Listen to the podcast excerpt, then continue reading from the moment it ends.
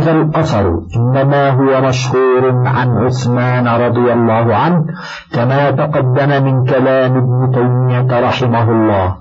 لا عن عائشة رضي الله عنها كما ذكره المهدوي.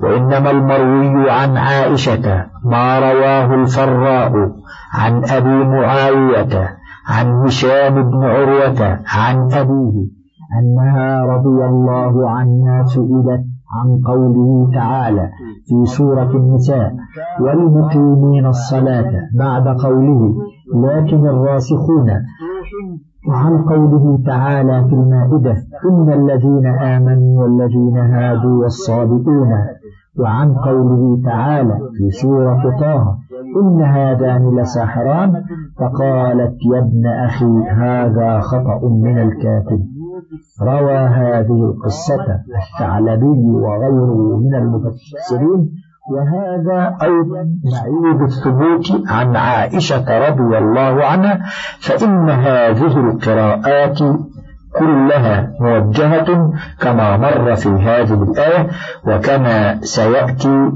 إن شاء الله تعالى في الآيتين الأخيرتين عند الكلام على الجمع وهي قراءة جميع السبعة في المقيمين والصابئون وقراءة الأكثر في إن هذان فلا يتجه القول بأنها خطأ لصحتها في العربية وثبوتها في النقل.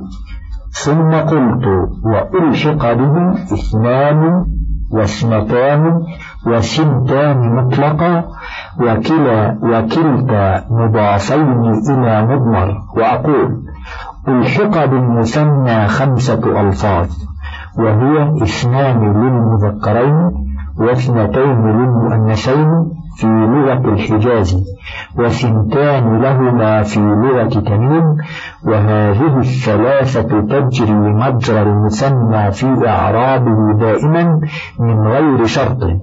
وإنما لم نسميها مثناة لأنها ليست اختصارا للمتعاطفين إذ لا مفرد لها لا يقال اثن ولا اثنة ولا ثنت ومن شواهد رفعها بالألف قوله تعالى فانفجرت منه اثنتا عشرة عينا فاثنتا فاعل بانفجرت وقوله شهادة بينكم إذا حضر أحدكم الموت حين الوصية اثنان. فاثنان مرفوع.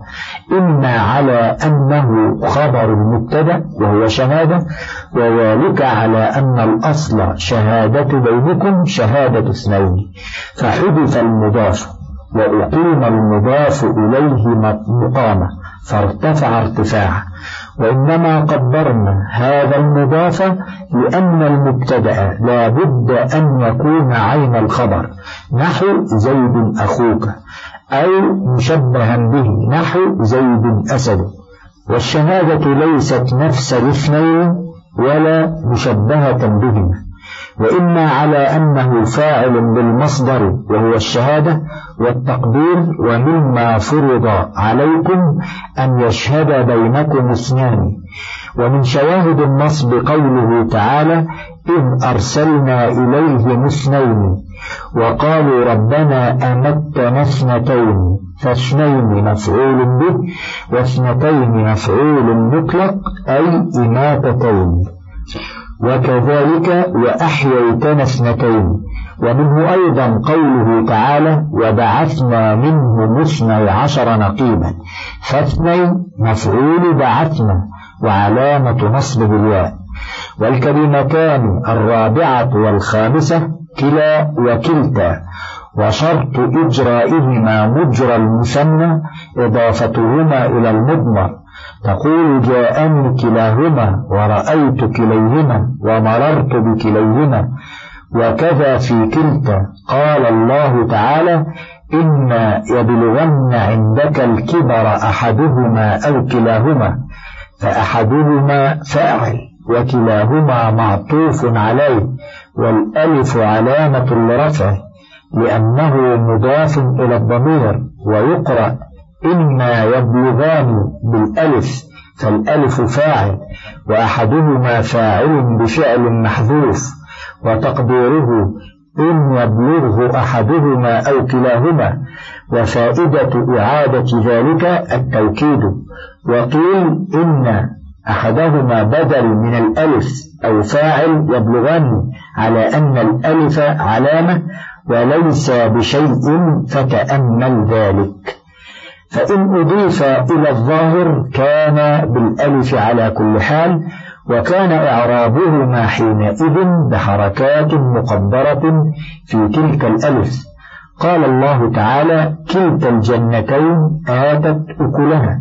أي كل واحدة من الجنتين أعطت ثمرتها ولم تنقص منه شيئا.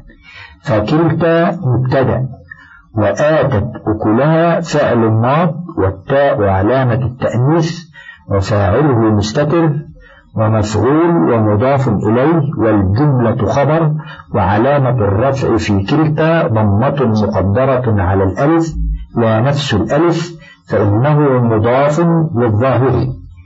ثم قلت الخامس جمع المذكر السالم كالزيدون والمسلمون فإنه يرفع بالواو ويجر وينصب بالواو المكسور ما قبلها المفتوح ما بعدها.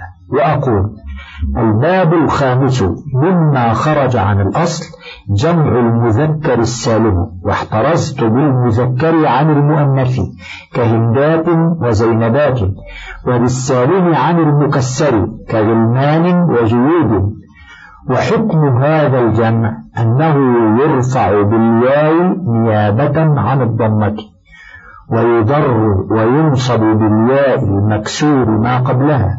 المفتوح ما بعدها. نيابة عن الكسرة والفتحة.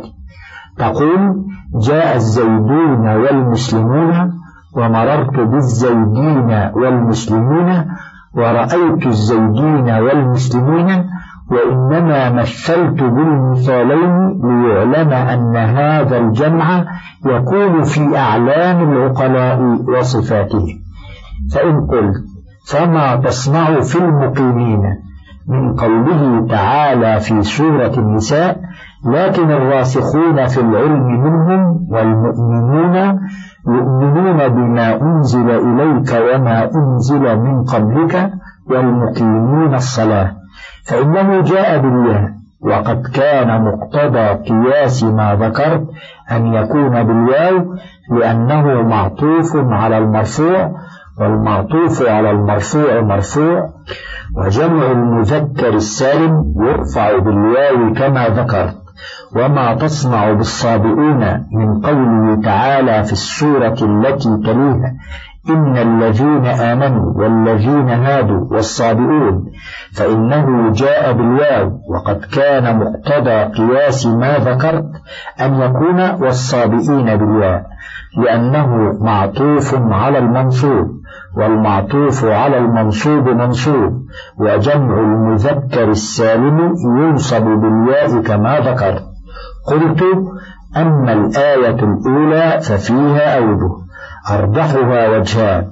أحدهما أن المقيمين نصب على المدح وتقديره وأمدح المقيمين وهو قول سيبويه والمحققين. وإنما قطعت هذه الصفة عن بقية الصفات لبيان فضل الصلاة على غيرها.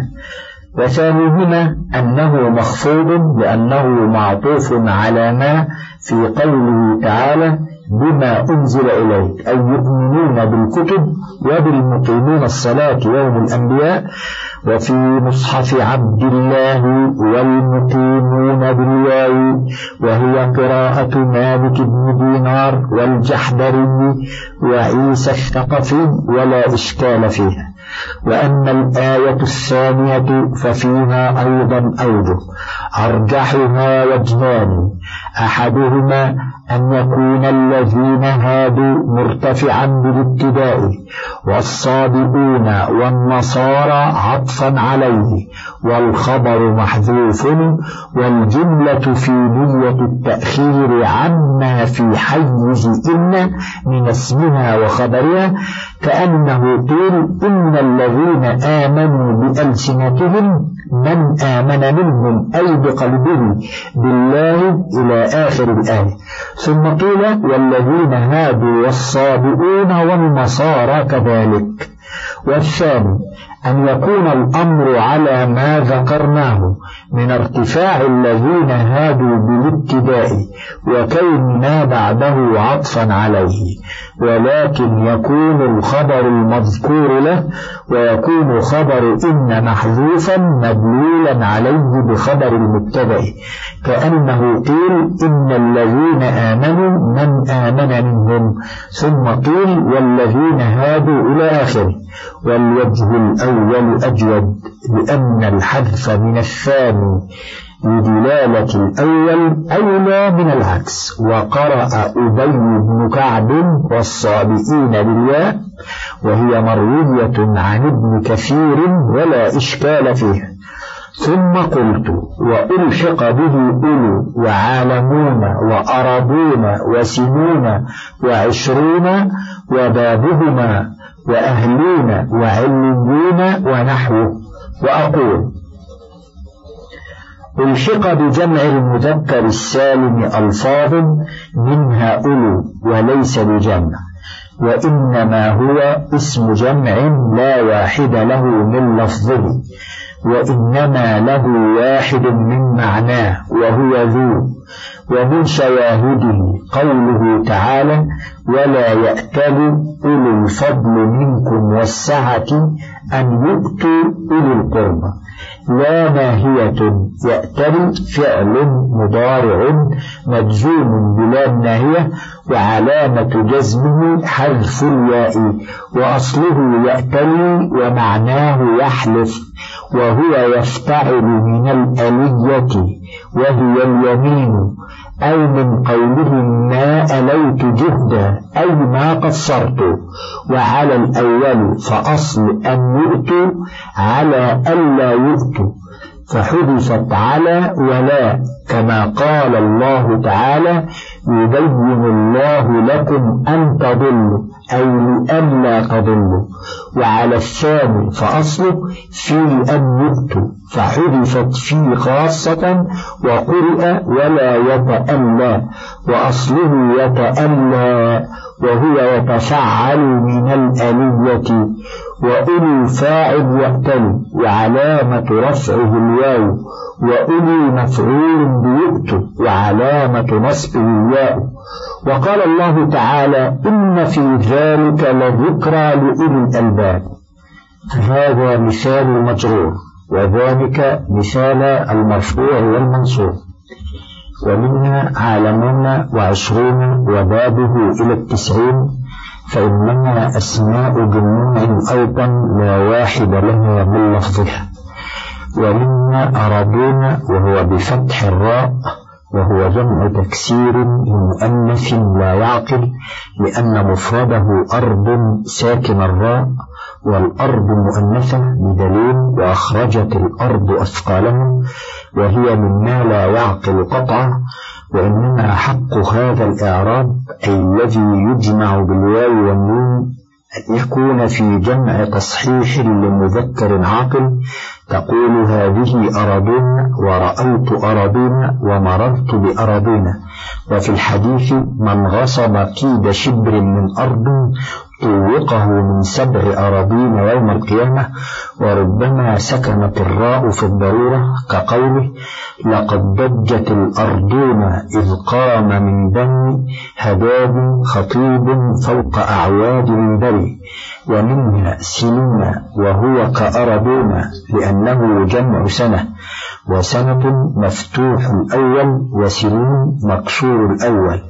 وسنة مؤنث غير عاقل وأصله سنو أو سنة بدليل قولهم في جمعه بالألف والتاء سنوات وسنهات.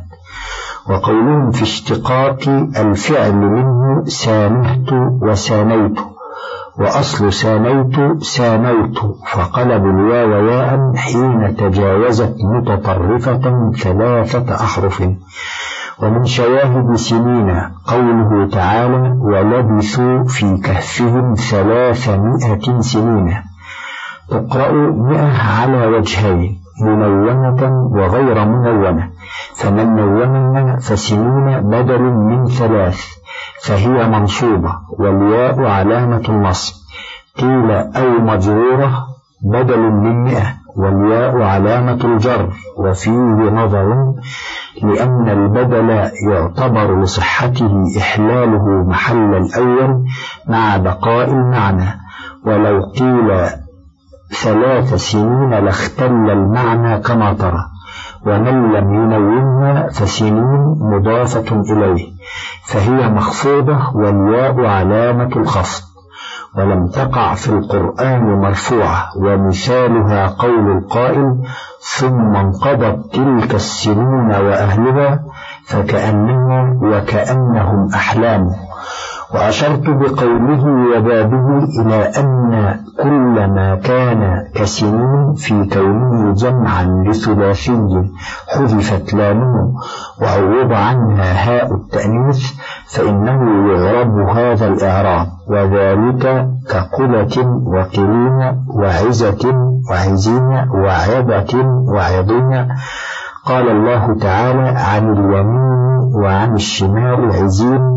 أي فرقا شتى لأن كل فرقة تعتزي إلى غير من تعتزي إليه الفرقة الأخرى وانتصابها على أنها صفة لمخطئين بمعنى مسرعين وانتصاب مخطئين على الحال. وقال تعالى الذين جعلوا القرآن عيدين فعيدين مفعول ثان بجعل منصوب بالياء وهي جمع عظة واختلف فيها فقيل أصلها عضو من قولهم عضيته تعضية إذا فرقته قال رؤبة وليس دين الله بالمعضى. يعني بالمفرق أي جعلوا القرآن أعضاء. فقال بعضهم سحر وقال بعضهم كهانة وقال بعضهم أساطير الأولين. وقيل أصلها عضه من العضه وهو الكذب والبهتان. وفي الحديث لا يعضه بعضكم بعضا. ثم قلت السادس يفعلان وتفعلان ويفعلون وتفعلون وتفعلون فإنها ترفع بثبوت النون وتنصب وتجزم بحذفها وأما نحو تحادون فالمحذوف نون الوقاية وأما إلا أن يعفون فالواو أصل والفعل مبني بخلاف وأن تعفوا أقرب للتقوى. وأقول الباب السادس مما خرج عن الأصل الأمثلة الخمسة وهي كل فعل مضارع اتصل به ألف اثنين أو واو جماعة أو ياء مخاطبة. وحكمها أن ترفع بثبوت النون نيابة عن الضمة وتنصب وتجزم بحذفها نيابة عن الفتحة والسكون. مثال الرفع قوله تعالى فيهما عينان تجريان وأنتم تعلمون وأنتم تشهدون وهم لا يشعرون. فالمضارع في ذلك كله مرفوع لخلوه عن الناصب والجازم وعلامة رفعه ثبوت النون. ومثال الجزم والنصب قوله تعالى فإن لم تفعلوا ولم تفعلوا.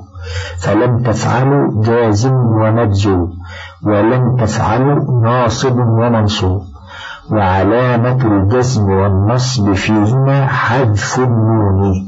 فإن قلت فما تصنع في قوله تعالى إلا أن يعفونا فإن أن ناصبة والنون ثابتة معه. قلت ليست الواو هنا واو الجماعة.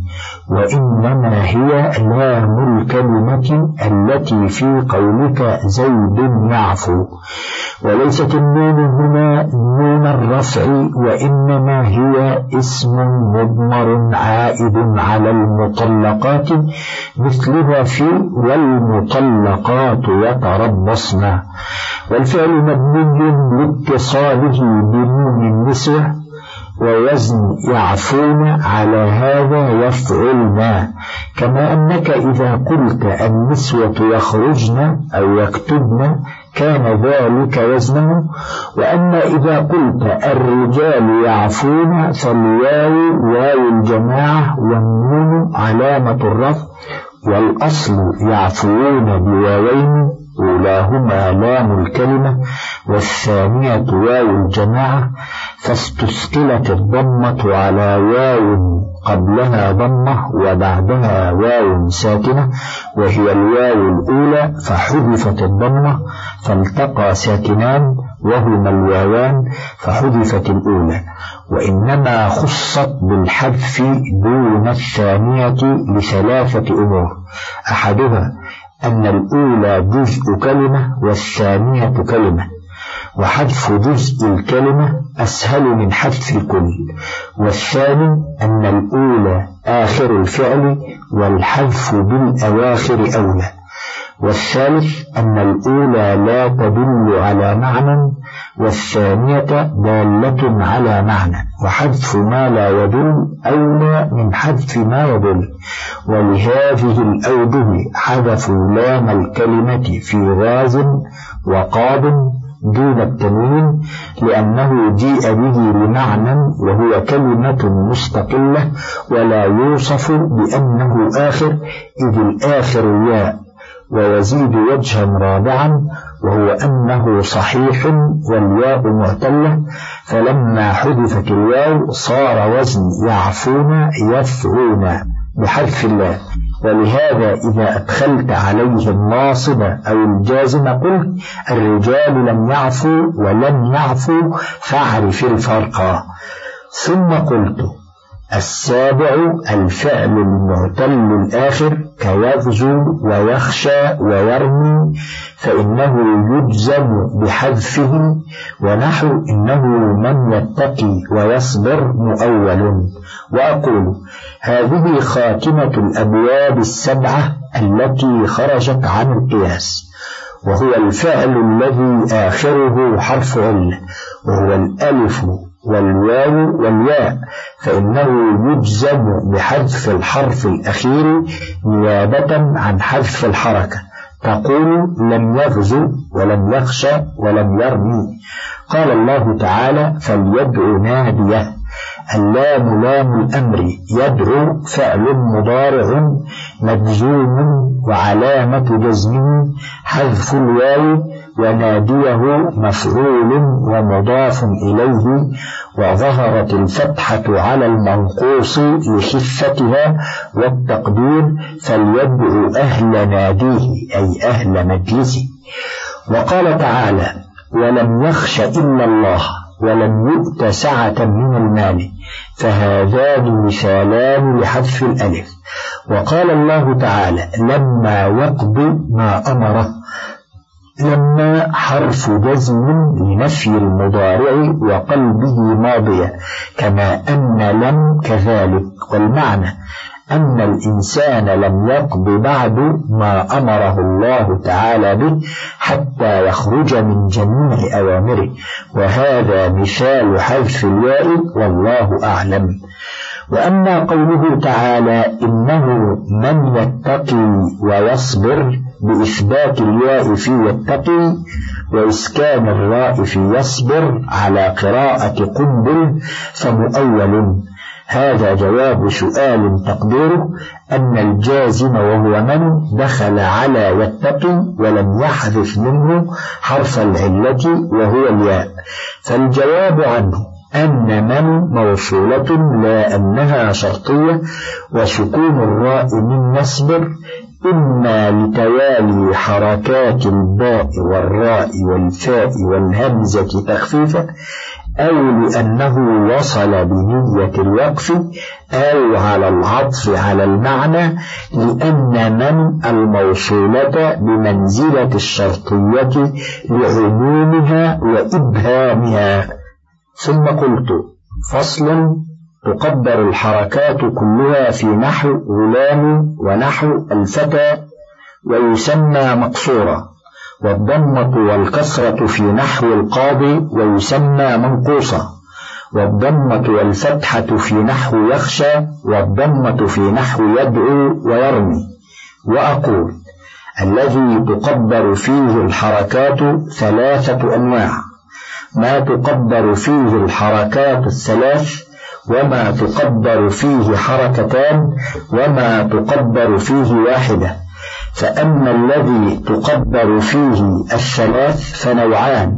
أحدهما ما أضيف إلى ياء المتكلم وليس مثنى ولا جمع مذكر سالما ولا منقوصا ولا مقصورا.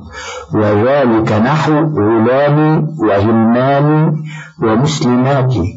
فهذه الأمثلة ونحوها تعرض بحركات مقدرة على ما قبل الياء والذي منع من ظهورها أنهم التزموا أن يأتوا قبل الياء بحركة تجانسها وهي الكسرة فاستحال حينئذ المجيء بحركات الإعراب قبل الياء.